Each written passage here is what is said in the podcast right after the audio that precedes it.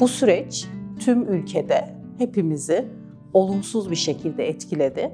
Ama biliyoruz ki bu süreçten en çok olumsuz etkilenen deprem bölgesinde bu duruma şahitlik eden, yaşayan çocuklar, gençler ve yetişkinler. Dolayısıyla da depremden etkilenen en önemli grup çocuklarımız ve gençlerimiz.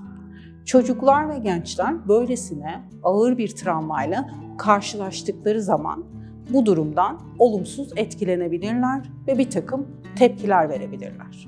Çocukların vermiş olduğu tepkiler içinde bulundukları yaş dönemine göre bir takım değişiklikler gösterebilir. Küçük çocuklar da huy değişiklikleri, daha sık ağlama, korkular, anne babaya yapışma, onlardan hiç ayrılmak istememe, huzursuzluk, hırçınlık, sinirlilik gibi belirtiler olabileceği gibi içe kapanma, dona kalma gibi belirtiler de görebiliriz.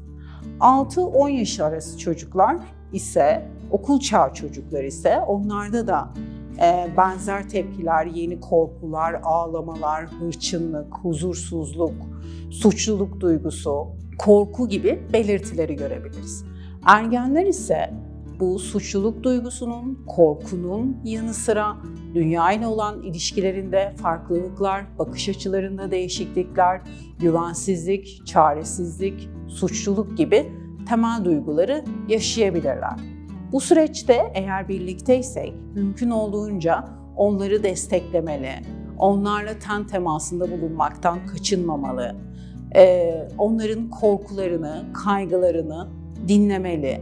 Deprem bölgesinde çocuklar için sağlanan psikososyal aktivitelere, oyunlara, yaşıtlarıyla bir araya geleceği ortamlara dahil etmeli ama bir yandan da onlardan gözümüzü ayırmadan, onlara eşlik ederek bulabildiğiniz aktivitelere dahil etmek, yaşıtlarıyla bir araya gelmelerini sağlamak bu koşullarda onlara iyi geleceğini düşünüyorum.